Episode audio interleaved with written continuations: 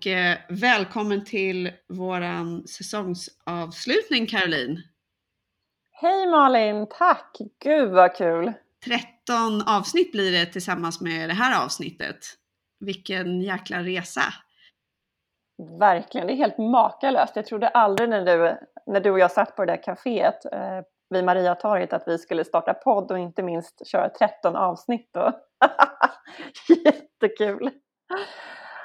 Åh, gud vad vi har lärt oss, eller hur? Ja, och när vi satt där första avsnittet på mitt sovrumsgolv där på heltäckningsmattan med kuddar och täcken runt omkring oss för att vi skulle få så bra ljud som möjligt och sådär. Eh, supernervösa var vi. Jag har förvisso varit ganska nervös inför nästan alla avsnitt tror jag. Eh, men ja, det har verkligen varit en, en resa där jag har lärt mig så sjukt mycket. Alltså dels har man ju lärt sig om att bara hur man klipper podd och hur man gör med ljud och lite sådana saker. Men eh, framför allt så har det varit en rejäl utmaning att intervjua olika gäster, tänka på hur man pratar med olika typer av människor och, och, hur man får till ett samtal mellan dig och mig som jag tycker ändå har känts, det har varit superkul att få liksom lära känna dig igen. För det var ju ändå tio år sedan vi hade något med varandra att göra innan vi drog igång den här podden. Ja, verkligen. Och jag tänker att det här avsnittet passar ganska bra till att reflektera lite grann kring utveckling generellt, både i podden men också generellt i arbetet och i livet, eller hur? Ja. Men du Caroline, innan vi går in på temat personlig utveckling lite djupare eh, och rent generellt kanske i, i våra eh, yrkesroller så tänkte jag höra, har du några höjdpunkter eller så här, eh, speciella minnen från de här 13 avsnitten som, som du känner att du vill dela med dig av? Ja, alltså det, det, jag har faktiskt ganska många som jag brukar tänka på ofta. Um, och jag tror också att det man kommer ihåg, det beror ju på var man befinner sig i livet, vad som är aktuellt där och då. Men jag har framförallt två liksom, lärdomar som jag eh, brukar berätta för andra om. och det ena är när vi träffade Ann Näppare och pratade om kommunikation och förhandling. Och hon berättade om tre taktiker för att inte låta sig undermineras. Eh, till exempel om det, man får liksom en liten lilla gumman-attityd eller kommentar eller liksom i den stilen. Och det, det, har jag verkligen lagt på minnet, för det har, jag har stött på den liksom, situationen ett par gånger. Så nu tänkte jag, oh, gud vad bra, här har jag fått ett par verktyg. Och det var ju det här med, dels då att antingen tar man på sig till från kavajen, det vill säga helt bara ignorera det som har sagts eller det som har antytts och bara helt lugnt och professionellt gå vidare. Kanske inte alltid så lätt.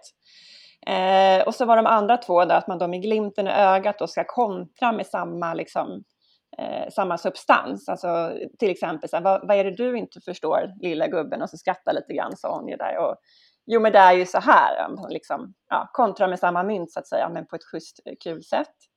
Eh, och den tredje var ju det här med då att man återigen lite med glimten i ögat men ändå liksom ser till att syna korten, att liksom ta ner personen och bara jag heter Caroline Bosi, jag är affärsområdeschef och jag ber dig kalla mig vid namn nästa gång, eller hur? Alltså lite den. Eh, så de tre är verkligen så här tyd, liksom tydliga ja, men punkter som jag tar med mig, liksom tydliga verktyg eh, och ett väldigt tydligt minne, för jag kände igen mig så mycket i den här situationen. Och jag önskar att jag hade vetat det när jag var 25 och var ny på mitt första jobb och eh, stötte på exakt det här. Och har gjort, ja, som sagt stött på det ett antal gånger efteråt, men nu jäklar. Och man blir ju bättre och bättre, som hon säger, på att hantera situationer. Ju mer man har tränat på det, ju, mer liksom, ju snabbare man känner igen dem.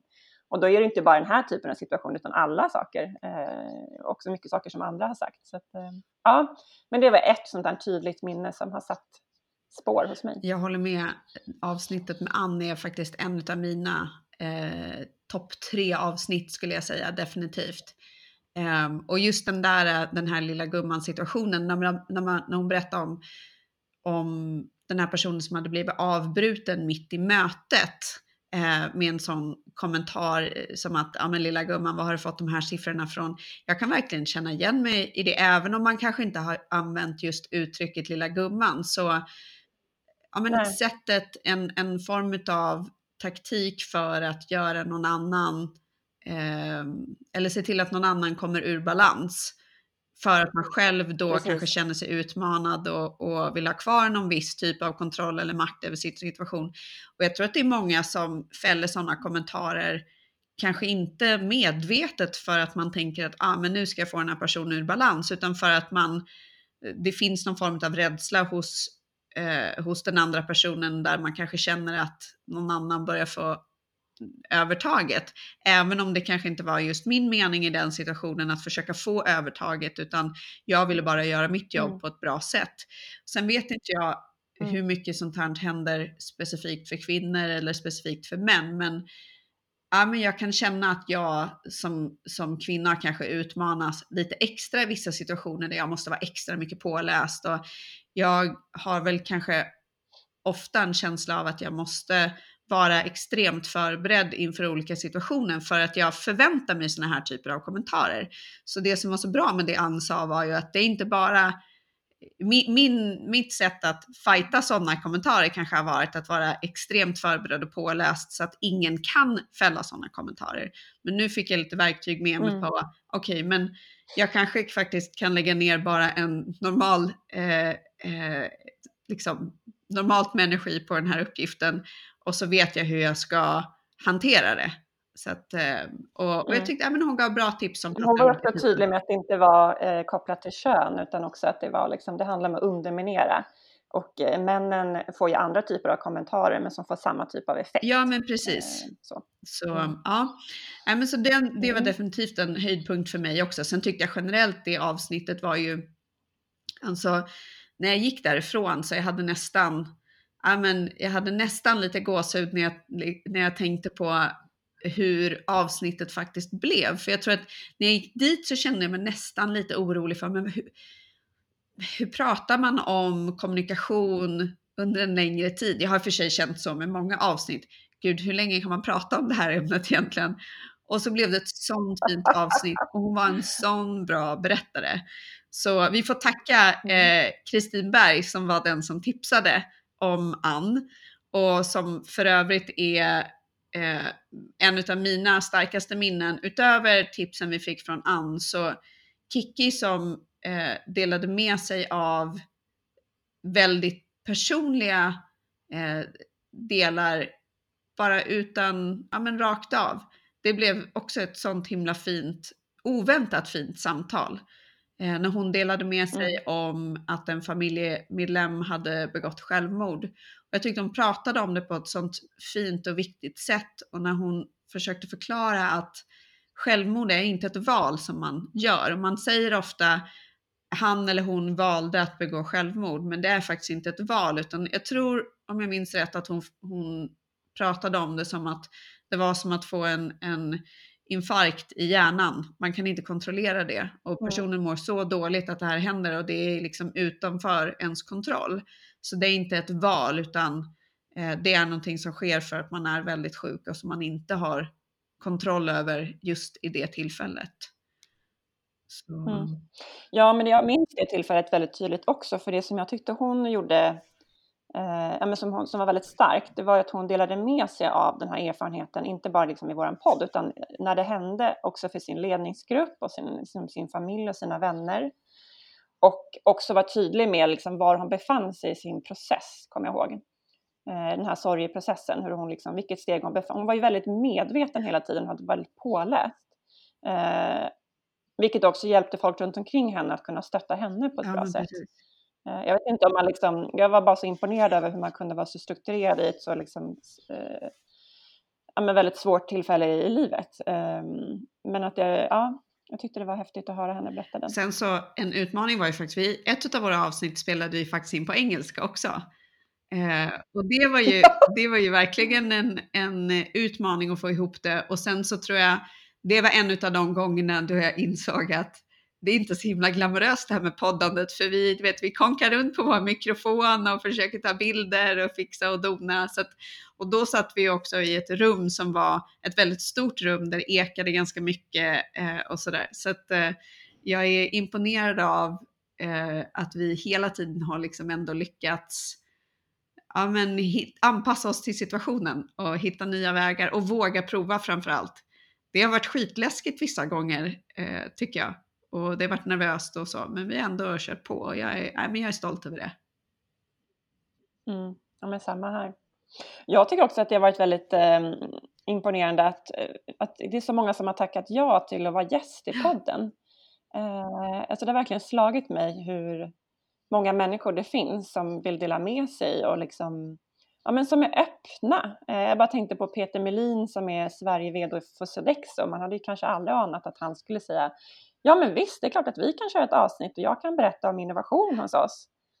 Och liksom helt öppet bara, men de här utmaningarna stötte vi på först och det här fungerade inte alls med att liksom driva innovation internt i storbolag. Men då, då testade vi nya vägar med inkubatorer och, liksom, och det visade sig, alltså att han liksom berättade så avdramatiserat och liksom eh, opolerat att eh, det här var vår resa. Eh, jag tyckte det var väldigt kul att få, få ta del av det och att liksom också se att människor på en högre befattning är vanliga människor helt enkelt. Och det vet vi allihopa, men ändå liksom att um, den här hierarkin börjar liksom lite grann luckras upp för att människor ska kunna få se. För att någonstans söker man ju till ett företag liksom, på grund av de människor som finns där och då måste man ju dela med sig av vad är jag för människa och vad, vi, vad har vi för företagskultur och hur jobbar vi här? Det tyckte han gjorde på väldigt fint Ja, och han delade ju också med sig om eh, kring mentorskap och han som själv då mm har varit, han, han, har varit din mentor bland annat, men har varit mentor åt många som själv känner att det är viktigt att ha en mentor för, för, för egen del också. Och, äh, men jag tyckte det var viktigt att det spelar ingen roll om du är VD för Sodexo, du kan fortfarande fortsätta utvecklas och, och läras. Och, men jag tycker alla våra gäster har varit väldigt modiga för att alla, vi vet ju själva i de avsnitt där vi kanske har delat med oss av personliga bitar, att det är ganska läskigt att kasta ut personliga tankar och värderingar och våga vara sårbar för hela världen att, eh, att lyssna på, eller inte hela världen kanske lite överdrivet, men, men det, det kommer finnas där ute eh, länge och det, eh, ja men man är ändå, man blir ju utsatt på ett så sätt att många kan tycka och tänka vad de vill och jag har varit väldigt stolt över våra gäster också, hur, hur modiga de ändå har varit. Och även om det kanske har varit någonting jobbigt eller väldigt personligt de har delat med sig så har de ändå valt att göra det. Och det har varit, ja, men det har varit mm. roligt att, att, att få lära från så många andra. Så. Ja, och jag kan bara känna igen, jag menar efter första avsnittet så hade jag ju lite lätt panik kan man säga. Jag smsade dig och bara ja, nej men jag vet inte om det här liksom är helt rätt. Men sen gillar jag inte att säga nej heller, jag vill liksom gärna utmana. Så att vi körde ju på där och du märkte ju inte av att jag var så nej, men Jag var ju så blasé och, obekväm. Jag var ju så blasé och tyckte liksom att jaha, jo men okej, det är klart att det var lite läskigt att göra ett avsnitt, men jag fattade ju inte att du egentligen sa tack men nej tack efter första avsnittet. Så jag bara fortsatte på och bokade in nästa avsnitt. Ja, och jag kunde ju inte säga nej tack helt heller nej. faktiskt. Men eh, inför det här avsnittet så pratade vi lite grann och det, för min del är det lite grann, alltså det där försvinner faktiskt inte riktigt. Jag tror att jag har det som i mig, alltså i min yrkesroll så har jag, det är helt okej för mig att stå inför människor och prata inför människor, berätta saker och leda och lyssna och ta del och liksom dela i min yrkesroll. Men det som vi gör i podden eh, när vi har våra egna avsnitt, det är att vi delar med oss av oss själva, mer av vårt privata jag. Och den tycker jag är mycket svårare. Den, liksom, den, är, ja, den, ja, den tycker jag är lite jobbig. Liksom. Eh, mest för att jag tycker att det är så här, vem är det som ska lyssna på mig? Det är nog den aspekten. Eh, inte att jag inte vill dela med mig, utan mer så här, men vem är jag? Eh, varför skulle någon annan kunna lära av mig? Eh, så känner jag nog. Eh, så att, ja, men, ja, men det är utvecklande ja, såklart. Och jag brukar tänka att ehm, Eh, när det, när det gör lite ont och när det är extra jobbigt, det är då man utvecklas som mest. Så på jobbet till mm. exempel, om jag vet att jag har en ganska jobbig tid eh, framför mig, jag vet till exempel att jag måste göra många saker eller det kommer vara situationer som jag är ovan vid eller där jag kanske inte känner mig 100% eh, kompetent eller förberedd så brukar jag tänka att okej, okay, nu vet jag att nu kommer en intensiv period där jag kommer lära mig mycket och utmanas rejält och den perioden kommer vara tuff. Men när det gör som ondast, det är liksom då vi växer och utvecklas som mest. Och så lite mm. har jag sett på den här podden också, att det har ju varit saker som har varit svårt, det har varit saker som har varit ganska frustrerande och vi har gjort det på noll budget. Jag tror att totalt så har vi spenderat, förutom att jag tror att jag fick p-bot en gång, så har vi, har vi spenderat eh, några hundra lappar på en mikrofon. Det är ungefär det vi har, ja, kanske no, vi har lagt kanske någon, någon hundralapp på, på något eh, webbhotell för, eller poddhotell. Men annars har vi gjort det här på nollbudget och det har ju också varit en utmaning i sig utöver att intervjua gäster och så. så att, men jag har sett det som en, en resa i att, att utmana mig själv och utvecklas. Och som sagt var, precis så ser jag på, på situationer med personlig utveckling eh, rent privat men också utveckling i min yrkesroll eller vad det nu är jag tar mig för. Så ja. Mm. Nej, men jag håller med, de tillfällen då jag lär mig liksom snabbast om man ska säga. Det är antingen om jag har misslyckats, det blir väldigt tydligt. Eller om det är någon som ifrågasätter, för då, liksom, då aktiveras jag och tänker och liksom utmanas. Eh, men också om jag gör saker som jag tycker är obekvämt eller svårt. Alltså då har jag liksom snabbast upplärning tror jag. Eller någonting som är väldigt roligt. Eh, så det, och det har jag absolut omfattat ganska många av de delarna ja. tror jag.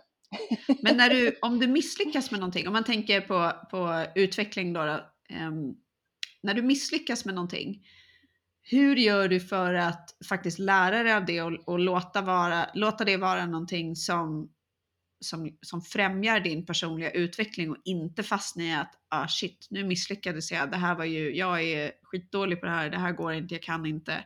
Hur gör du för att se till att det blir eh, bränsle för utveckling istället för någonting som kanske drar ner dig? Jag tror det kommer liksom naturligt hos mig för jag är, har ganska mycket vinnarskalle, är lite tävlingsmänniska. Lite? Så att, att misslyckas, ja exakt lite, ganska mycket. Um, nej, så för mig är det nog bara så upp på hästen igen och så lite grann. Alltså såklart reflektera först men också eh, ändå köra på. Ja. Och det är ju inte bra i alla situationer heller såklart. Eh, det, det tror jag att jag berättade vid något tillfälle också att eh, det här när jag hade den här förlossningsdepressionen, då körde jag just den taktiken. Upp på hästen igen och kör på liksom. Och det visade sig fun inte funka så bra. Det har funkat i hela mitt liv fram till den tidpunkten, men vissa situationer fungerar faktiskt inte den taktiken och var liksom bara ruska av sig och köra på vidare och testa igen. Um, Nej. Men annars, oftast är det en väldigt bra taktik som funkar för mig. hur, hur är det för dig? Ja, men jag tror jag har blivit bättre med åren. Jag tror att i början av mitt arbetsliv så Ja, men det, jag var nog ganska rädd för att inte passa in eller jag var nog rädd för att göra fel. Inte, jag, varit, jag har aldrig varit rädd för att göra fel egentligen i mitt jobb så, utan jag tror mer rädd för att göra fel kanske så här rent politiskt på jobbet. Eller vad man säger mm. eller hur man säger eller så jag har liksom aldrig egentligen varit rädd för att prata inför folk eller rädd för att ta mig an nya uppgifter. Um, och ja, men eh, jag tror att jag har nog också det här, bara, mamma sa ofta, ta tjuren vid hornen. Det är bara att börja någonstans. Börja nysta i ett litet hörn och bara kör. Så jag har nog aldrig haft att jag liksom bara sitter still och blir lamslagen när jag inte vet vad jag ska göra. Utan vet jag inte vad jag ska göra, då börjar jag jag börjar nysta i något hörn så brukar det kännas lättare efter ett tag och så brukar man kanske då kanske man hinner prova ett par, tre saker som inte riktigt funkade, men man har i alla fall gjort någonting under tiden och det får i alla fall mig att må bättre. Så att, ehm, men sen så tror jag jag har också, jag har blivit bättre och bättre på att reflektera. Och nu när jag jobbar hemifrån och det är annorlunda så sker reflektionen mer kanske ja, men antingen under tiden jag är ute och tränar eller säg när jag sitter och käkar frukost eller någonting.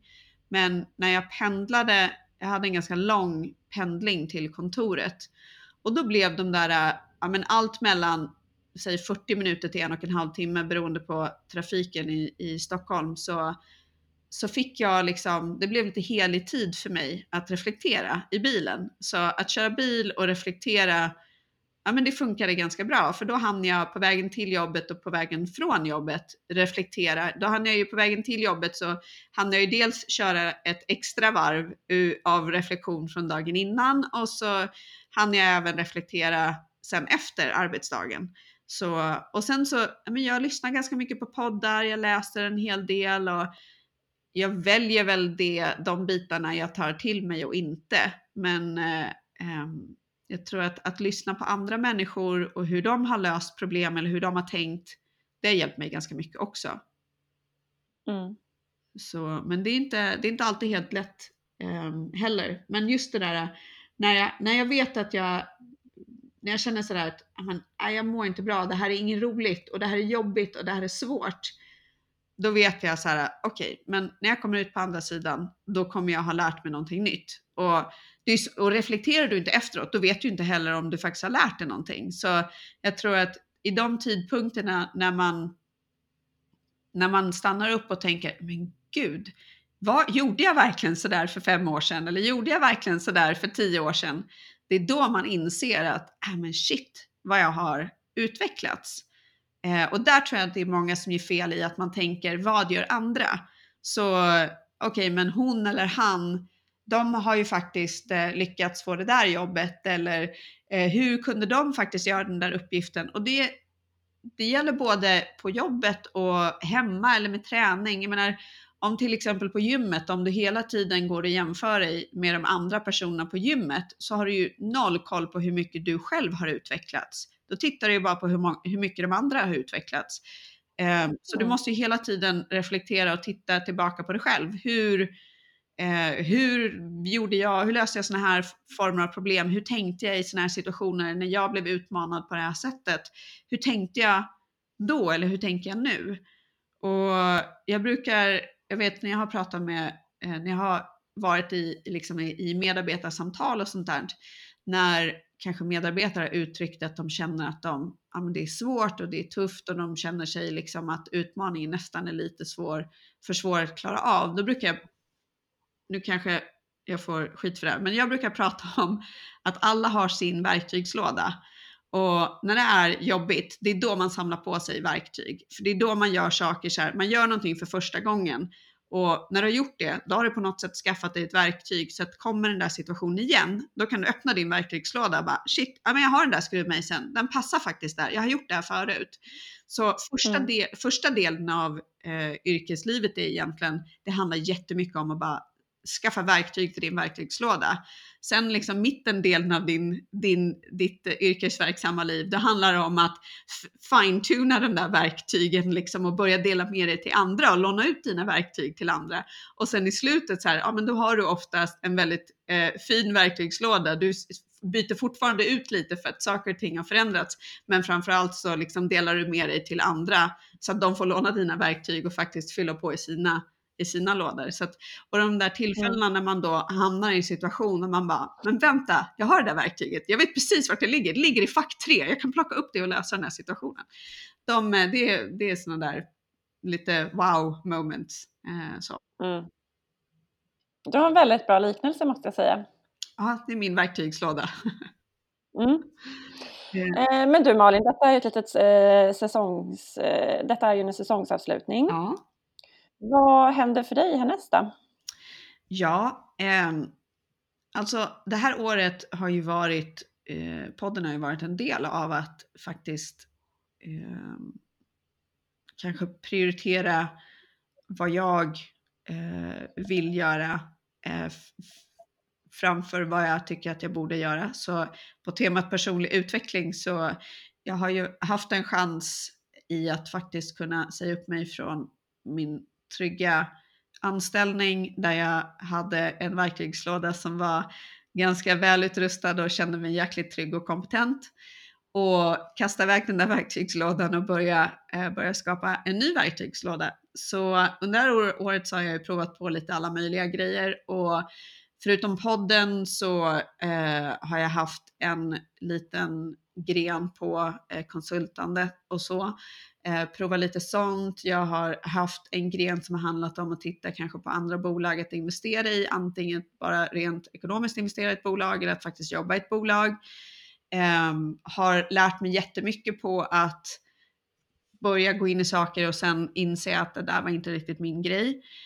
Och sen så under eh, hösten, eller egentligen redan i våras, så träffade jag en gammal kollega och så började vi gå promenader och hon berättade om sitt bolag som hon hade liksom kämpat med, som hade legat på hyllan lite som hon gärna skulle vilja plocka upp igen. Och sen så under hösten så började, fortsatte vi prata och så nämnde hon att äh, men jag har en annan tjej som, som jag också har pratat om det här med. Och så frågade hon lite lätt så här, men du vill ju investera i ett bolag, du skulle inte liksom kunna tänka dig att, att uh, plocka upp min gamla idé och, och kanske faktiskt uh, göra slag i saken.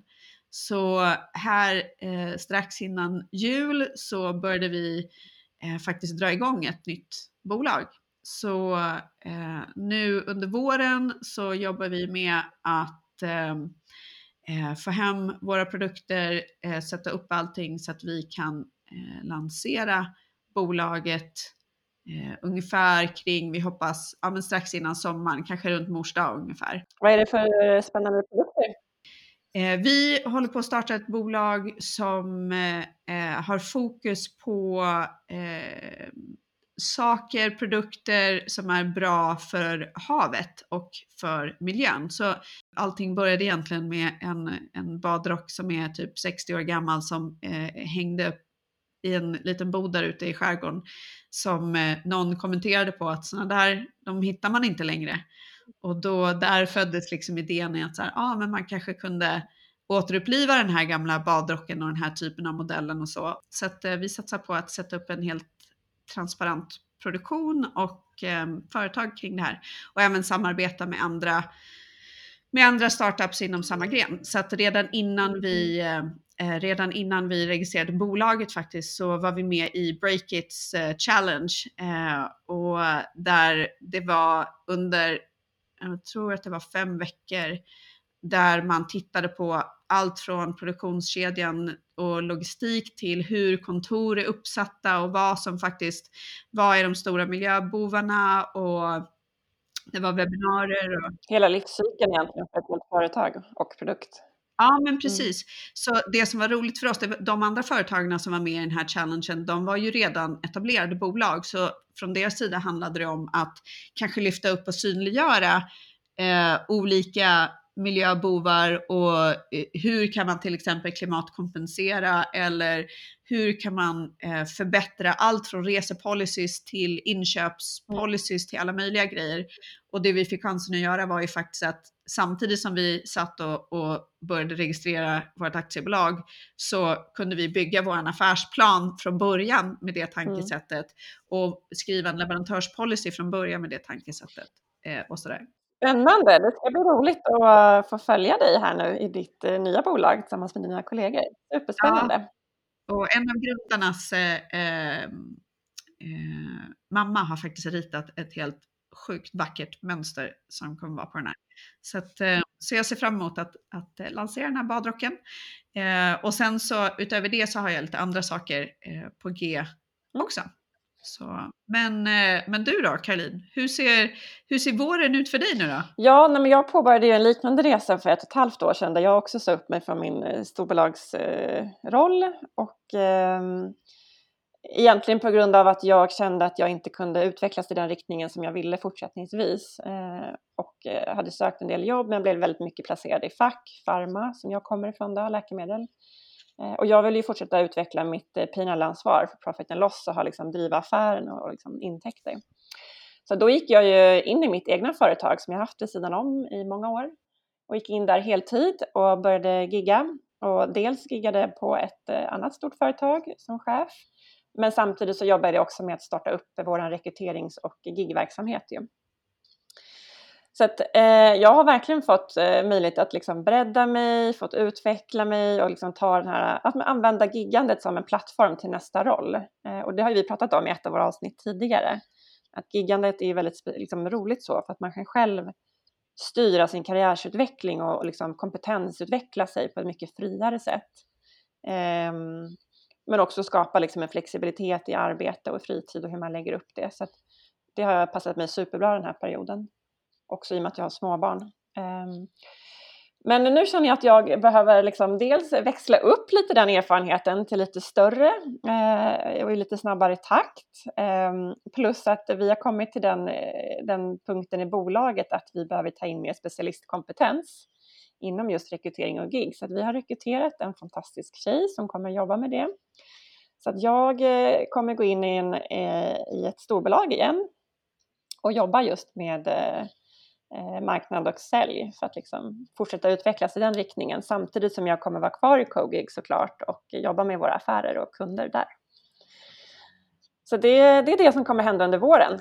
Spännande. Så det ska bli väldigt spännande. Ja, så att vårt bolag har blivit dubbelt så stort. Det är väldigt roligt när man har en person som ja. blir två.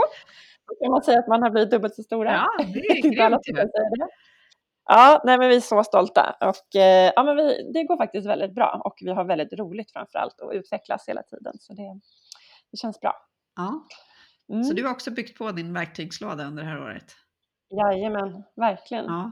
verkligen. Jag kan verkligen rekommendera alla som funderar. Jag vet att det är många som funderar där ute på ja, men vad är rätt nästa steg? Jag, hittar, jag kommer inte riktigt framåt och hur ska jag våga? Man liksom ska ha hela planen färdig. Jag tror bara att liksom om man någonstans känner någonting så behöver man fortsätta utforska det och det är helt okej att släppa den här lilla, eh, vad, kallar man, vad brukar man kalla det för, släppa sargen och åka ut lite på isen för du kan alltid vända tillbaka, alltså till det här trygga. Ja. Um, och ingenting behöver vara för evigt heller, utan livet är långt. Jag menar, jag har ju 40 år kvar att jobba med den nya pensionsåldern. Ja. så att det är verkligen ta sin chans och testa sig fram. Och allt har ju sin tid. Eh, så. Ja, men Caroline, eh, det här med liksom att eh, släppa sargen eh, och liksom att våga att man faktiskt alltid kan vända tillbaka. Jag tror att en sak som jag har uppskattat mest under det här året är ändå att um, när jag satt i min fasta anställning så var ju liksom 100% av min tankeverksamhet när det kom till jobbet gick men just till min den rollen jag hade då. Och det tog nog ja, nästan 5-6 månader innan liksom bruset i huvudet hade lagt sig. Så jag tror att första 5-6 månaderna så jag var fortfarande ganska uppe i det här så här okej okay, nu måste jag lösa det här och komma vidare och så ska ja men väldigt ehm, eh, lite samma, sam, lite samma tempo och samma eh, sätt att, eh, att att eh, utföra arbetet trots att jag gjorde någonting helt annat.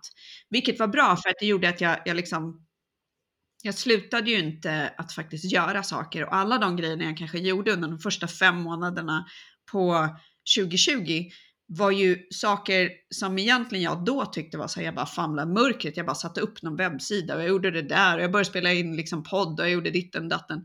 Men det är ju att jag gjorde de sakerna i det som har lett upp till nu. Men jag tror att det som jag verkligen uppskattade var att så här, när bruset i huvudet började liksom lägga sig och jag hade på något sätt mer och mer kopplat bort det, liksom, min gamla roll och börjat kanske hitta en trygghet i min nya roll.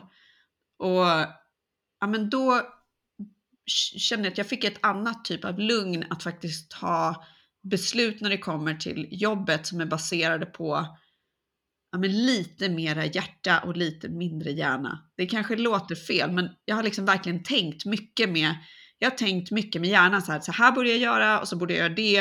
Och jag har, ganska, jag har ganska lätt för att så här, kavla upp ärmarna när det är jobbigt och, och saker som är tråkiga och svåra. Men det är bara, bara gör dem liksom.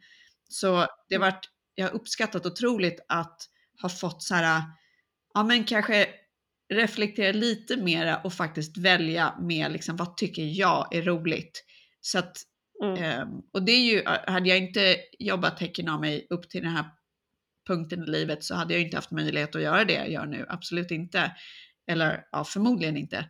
Men, äh, men jag, är, jag är sjukt tacksam över att ha liksom tid och utrymme i, i, i huvudet att faktiskt ta beslut baserat på vad jag vad jag känner och våga ta beslut baserat på känslor lite mera än bara hjärna. Jag kommer ihåg Malin, eh, jag tror att det var i vårt andra avsnitt där du sa så här, jag väntar fortfarande på att någon ska komma på mig och någon frågar fortfarande, så, jaha men du är egenföretagare, du har sagt upp dig, så, jaha men vad, är det, vad har du för smart idé som du ska jobba med? Ja. Och då kände jag, ihåg att du berättade att du liksom kände lite grann att du behövde liksom på något sätt försvara dig och liksom förklara dig. Ja. Istället för att bara stå trygg i din känsla. Bara, absolut, det är det här jag jobbar med, det är det här jag tror på. Eh, kommer du ihåg det när vi diskuterade det? Ja, jag kommer ihåg den känslan väldigt väl. Ja, men nu, ja. den, eh, den, den känslan tror jag, den, den försvann nog kanske samtidigt ungefär som det här bruset la sig lite. Um, och jag vet inte, jag vet inte det, det var ingen så specifik så här, ja men det här hände eller jag skickade iväg en faktura så jag fick känna att jag tjänar lite egna pengar eller jag vet inte riktigt vad det var för någonting. Det var, jag tror verkligen att det var Ehm, att det kom smygande. Sen som, som jag har berättat förut så jag skriver ju eh, inte dagbok, men ja, tacksamhetsdagbok. Jag skriver ner några rader varje dag sådär. Hur har dagen varit? Något som jag är extra kanske tacksam för eller stolt över eller något som jag tänker så här, äh, men det där var fasiken inte så himla smart. Det där kunde jag gjort bättre. Och något som jag känner, I have, jag vill ha lite bra karma inför morgondagen på den här fronten. Och det har väl också hjälpt för att då kan jag ju på något sätt följa också att ah, men okej, men nu har det varit ganska många dagar där jag har haft lite ångest över de här grejerna. Men eftersom jag övar på att också tänka på vad jag är stolt över, vad jag är tacksam för, vad har varit bra. Det gör ju att jag faktiskt övar upp liksom förmågan att fokusera på det. Och det är nästan mm. nu, så det, jag kommit till en punkt att när jag bara skriver ner så här, ah, men det här har varit en, en ganska dålig dag, jag har haft ångest över det här eller jag har tyckt att det här varit jobbigt då på något sätt, det räcker med att jag skriver ner det så, så, så släpper jag det. Så det är så här, det har hjälpt också tror jag.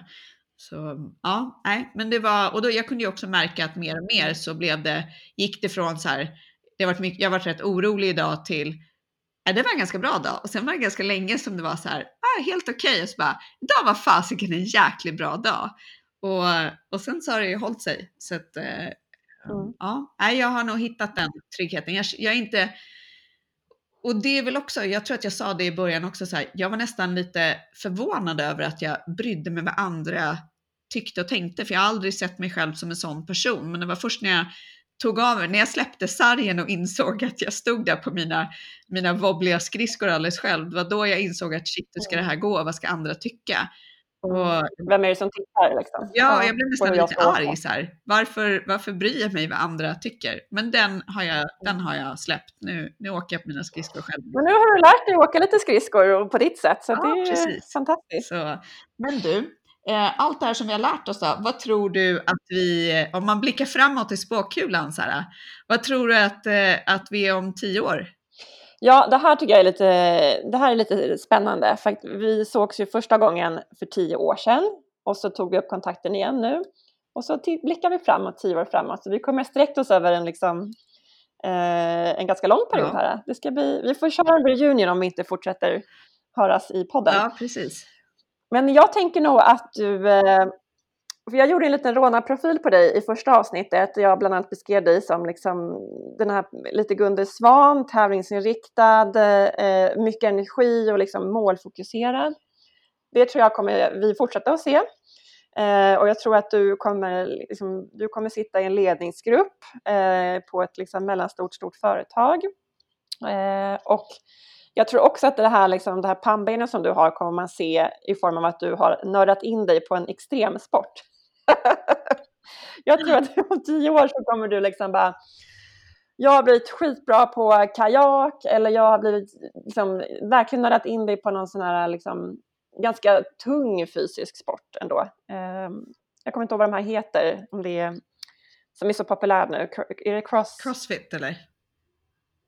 Crossfit, exakt. Någonting sånt tänker jag att du kommer liksom bara... Dö. Alltså jag tränar ju eh, och sen tror jag också...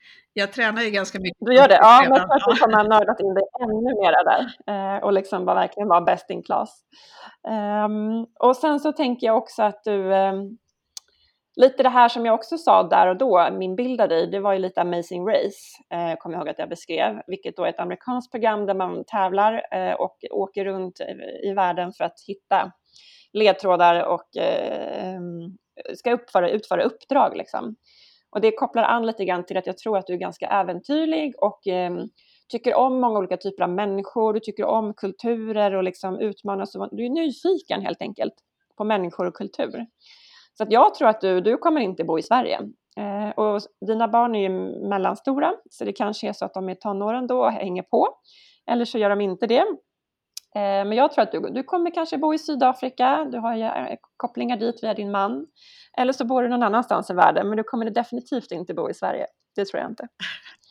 Så det är, min, det är vad jag ser i spåkulan för dig om tio år Malin, så får vi se. Ja, alltså vi, eh, vi har ju pratat om att flytta till Sydafrika i typ tio år.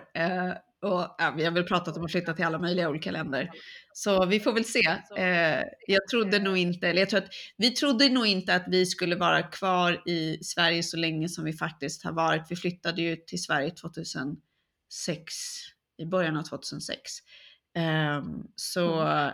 men Sverige har varit ett otroligt bra land för oss att starta familj och karriär och så vidare. Eh, och min man är ju numera svensk medborgare. Han reste första gången nu eh, i, eh, under, under julen reste han första gången med sitt eh, svenska pass. Eh, så det var, det var en liten höjdpunkt. Han mm. hämtade ut sitt svenska pass där i december eller när det var. Um, så um, ja, nej, men jag kan definitivt tro att vi, uh, att vi bor utomlands. Uh, jag vet inte om jag kommer ha nördat in mig på en sport så mycket att jag faktiskt liksom Eh, Eh, att det är det enda jag gör. Eh, men, men jag har ju de senaste åren tränat så här bootcamp, eh, crossfit, så, som, inspirerat av sånt och det passar mig ganska väl. Men jag är också sådär, jag, jag, kan jag kan tröttna så jag behöver variera det med löpning och cykling och, och andra. Men då kommer kajak som jag sa. Det kommer bli din nästa Kajak, grej. ja men vet du, jag har faktiskt drömt ja. lite om så här, lite smådrömt, men jag tror att jag är lite skraj för att ger jag, ut, ger jag mig ut i en kajak ensam så kommer jag välta och drunkna eller något, jag vet inte. Nej, men om tio år, då sitter du där i kajaken och är jäkligt grym, det vet ja, jag. Ja, då ska jag tänka på dig Caroline. Uh, men, ja. Och sen så får vi se, jag, jag, att, att liksom jobba, att, att um, att sitta i någon form av fast anställning för mig känns ganska långt bort. Men eh, om det här medelstora bolaget är mitt eget bolag så sitter mm. jag gärna där. Så det, mm. det... Och det har jag lämnat osagt faktiskt. Mm. Så... Men vad tror, du, vad tror du att du ser i min spåkula då? Ja, alltså även om jag vet att du har drivit eget bolag, kanske lite vid sidan om ganska länge, så jag tror mm. att du är en storbolagsmänniska ändå. Eh, men jag tror att eh, eh, du brinner ju väldigt mycket för vissa specifika frågor. Du brinner ju till exempel mycket för, för kvinnor i arbetslivet och du brinner mycket för, för själva ingenjörsområdet om man säger så. och jag vet att du är en tävlingsmänniska, att du utmanar dig själv hela tiden. Så att jag tror att du kommer fortsätta inom storbolag. Jag tror faktiskt att det är lite din grej. Um, och jag tror att du är bra på att navigera det eh, vädret, det politiska vädret i storbolag ganska bra. Jag tror att jag är ganska, jag kan bli lite känslosam och faktiskt tycka att det är väldigt, väldigt jobbigt. Men jag tror att du är ganska bra på att kanske lägga eh, det personliga åt sidan i sådana tillfällen. Så att jag tror att du passar bra där. Och, men däremot så tror jag att du, eh, jag tror inte du någonsin kommer bli en sån som sitter i ett storbolag i samma liksom, fotspår hela tiden, utan jag tror att du kommer fortsätta. Jag tror inte din väg kommer vara så här spikrak, så här, bara, jag ska bli, en dag ska jag bli vd för ett storbolag. Jag tror inte att du kommer gå spikrakt så. Jag tror att du kommer fortsätta med lite så här eh, slalomsvängar som jag tycker ändå, för även om du har jobbat inom farma länge så har du ju ändå haft liksom, du har jobbat inom olika delar av Pharma och nu när du går vidare kanske till en annan sektor så är det ändå så här, ja men du gör, nu gör du en ny liksom slalomsväng. Så jag tror att du kommer fortsätta så. Men jag tror att du kommer jobba mer inom innovation och storbolag. För att jag såg att du liksom tände till på det som Peter Melin berättade. Och eh, jag tror att ditt driv i att Eh, med CoGig och eh, med de här programmen för kvinnliga ingenjörer, det drivet tror jag kommer också komma till sin rätt. Liksom de, den verktygslådan kommer komma till sin rätt inom innovation på storbolag. Så, men, eh, men sen tror jag, jag tror att du kommer bo kvar i, i, i Sverige dock. Eh, så, men eh, ja, nej, innovation inom storbolag ser jag i spåkulan för dig. Vad tror du om det? Mm. Jo, men jag tror att det stämmer. Alltså, jag gillar ju storbolag för jag, liksom, jag har liksom någonstans fattat lite grejen där tror jag. Ja. men lärt mig som du säger navigera och också att det finns mycket utvecklingsmöjligheter. Men jag kommer nog aldrig släppa mitt egna och det, det kanske inte är den formen det är idag, det får man ju se där och då, liksom hur marknaden ser ut och vad det utvecklats till. Men jag tänker att Alltså jag älskar att ha mitt egna vid sidan om för det är där jag har min, alltså där jag kan få gå loss och vara liksom kreativ, det är ganska snabba resultat. Eh, ena dagen jobbar man med marknad, andra dagen jobbar man med att leverera koncept, alltså leverans. Så det är väldigt, det är en väldigt fin frihet i att ha ett eget bolag och skapa. Jag liksom, och det har jag saknat på storbolag, att det är så himla stelt och processorienterat och det är så långsamt. Men då har jag liksom haft mitt egna där man bara, man bestämmer själv hur man kör och det blir liksom jäkligt bra. Så jag tror att jag, jag kommer nog fortsättningsvis ha den kombon. Um, jag tror att det är en bra kombo specifikt för dig. Ja, och, jag, men, ja jag tror jag skulle sakna det ena eh, om jag inte hade det andra. Så att säga. Eller det skulle liksom inte, ja, jag behöver båda delarna. Eh, speciellt om jag ska vara på storbolag. Det hade nog varit en bra lärdom för mig tror jag också kanske att ha med mig. Alltså, eh, mm. Jag valde ju att kanske inte fortsätta inom storbolag. Men eh, det hade varit ganska smart. Jag tror att om jag hade startat något eget för fem år sedan och haft det på sidan om, då tror jag att jag hade varit eh, nöjdare på ett storbolag. För just den här mm. kreativiteten mm. var mycket av det som jag saknade faktiskt. Mm, mm. Nej, och sen så tror jag nog, precis, jag kommer nog gå igenom olika sektorer eh, och liksom bygga, ett, liksom, ja, bygga låter så utstuderat, men liksom ändå samla på mig erfarenheter för att kunna ta tyngre liksom, roller och eh, maktpositioner. Man pratar sällan om makt, men det är de facto faktiskt eh, det som många jobb, jobbar med. Ja. Det är så negativt eh, liksom betonat. Men det beror ju på hur att, man För mig betyder inte att det är det. Exakt, precis. För där känner jag att där kan man liksom gå in och göra skillnad för människor och men, liksom samhälle. Och, så det, det vill jag vara med om och liksom kunna driva frågor och fortsätta göra det. Mm. Och jag trivs ju bra i roller där jag får äga. Jag trivs inte bra i roller där jag blir styrd. Så det, jag tror att du är rätt, inne på rätt spår. Jag tror säkert att jag är kvar i Sverige. Jag tror jag kanske hunnit göra någon utomlandsperiod. Eh, men jag kommer absolut vara tillbaka i Sverige för jag är väldigt familjekär. Eh, och så, så att, och jag har ju min familj här i Stockholm så då mm. vill jag vara nära dem. Men du, och vad händer med, eh, vad tror vi händer med podden då? Eh, för att eh, både du och jag har ju en hel del eh, andra saker nu i vår att fokusera på. Mm. Så Ja, men nu tar vi en liten paus. Vi tar ja. en liten paus och sen får ju tiden lite grann visa vart vi befinner oss. Eh, och där och då tänker jag. Och, eh, men vi vill ändå passa på att tacka så mycket. Dels alla gäster som vi har pratat om några stycken här idag. Ja. Alltså det har varit eh, en ära verkligen att folk har velat vara med och att de har låtit sig intervjuas av oss och haft ett förtroende till oss. Det är verkligen, verkligen supertacksam för var och en som har delat med sig av sina personliga resor och, och liksom lärdomar. Eh, men sen vill vi ju såklart också tacka lyssnarna. Ja, oh, men gud. Eh, vi trodde ju som sagt bara att vi skulle ha vår närmsta familj som skulle lyssna. en liten skara på 10-20 personer. Men eh, vi börjar ju närma oss eh, 2000 lyssningar här snart, så det är ju ja. jättehäftigt. Och eh, så jätte, jätte tack till alla lyssnare som har delat tips på gäster och kommentarer och hejarop. Men också som har liksom, vissa har också delat att oj, det här avsnittet berörde mig väldigt mycket. Jag tog verkligen med mig någonting. Och då känner jag att jag har fått göra skillnad tillsammans med dig och, och alla andra som har varit med. Ja, eller när det kommer, när det kommer frågor så här, ah, men när det kommer frågor om avsnitt eller när när någon mm. tar sig tid att antingen skriva mail till oss eller eh, kommentera på sociala medier eller skicka meddelande eh, på sociala medier. Där om någon faktiskt tar sig tid att skriva så här, oh, jag lyssnade på det här avsnittet, det var superspännande eller eh, eh hon var så bra på att berätta eller gud vilka bra tankar han hade eh, det här berörde mig verkligen. Och, eller kanske, ja men jag satt i bilen på vägen till jobbet och lyssnade på eran podd, så grym. Alltså bara att man kommer till den punkten att man faktiskt här, ja men jag vill dela med mig till de som gör podden om hur jag känner. Mm. Det är stort. Alltså jag trodde aldrig att någon Verkligen. skulle bry sig tillräckligt mycket så att jag är, jag är överväldigad och liksom bara den här tanken att så här, Nej, men eh, några tusen personer har liksom lyssnat på de här grejerna. Det är helt, eh, mm. helt absurt. Så att även om vi, som sagt vi tar, det blir förmodligen en liten paus. Eh, så, men eh, vi får se, det kanske kommer något avsnitt eh, här och var.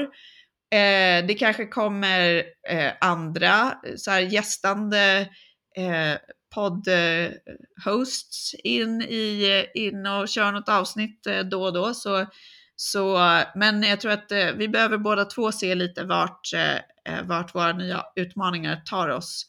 Så, eh, så att vi eh, prioriterar med våra, med våra hjärtan istället för bara våra hjärnor. Mm. Men du Malin, tack så mycket för att eh, du drog in mig i, i den här podden. Och också för att du har lagt så otroligt mycket tid på att lära dig nya saker som att klippa ljudfiler, varit ansvarig tekniker med allt det arbete som har krävts. Men också att du har varit en väldigt fin medspelare i att intervjua, komma på idéer på teman och liksom också delat med dig av erfarenheter och, och att du har trott eh, på mig.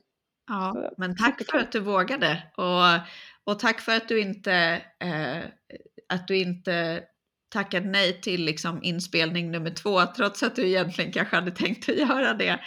Så, um, och, ja, men, och jag tycker att vi har, gjort det, vi har varit en, ett eh, bra team hittills. Så jag hoppas att det kommer fler, fler avsnitt eh, eh framöver. Mm. Eh, men oavsett den här säsongen så jag tycker verkligen att ja, du har varit en grym eh, poddpartner och även om vi båda är ganska drivna individer så är vi väldigt olika och det, det har varit eh, bra och jag tror att det har gett bra dynamik när vi intervjuar gäster också. För vi mm. reflekterar på olika sätt och ställer frågor på olika sätt. Så att, eh, ja, jag verkligen uppskattar. Och sen som sagt var dina nitiskt fina anteckningar när du lyssnar igenom avsnitten och, och talar om för mig exakt vilken sekund jag behöver åtgärda någonting. Det har varit grymt. Ja, tusen tack. Och tack för den här säsongen ja. så, så ses vi och hörs framöver. Tack allihopa.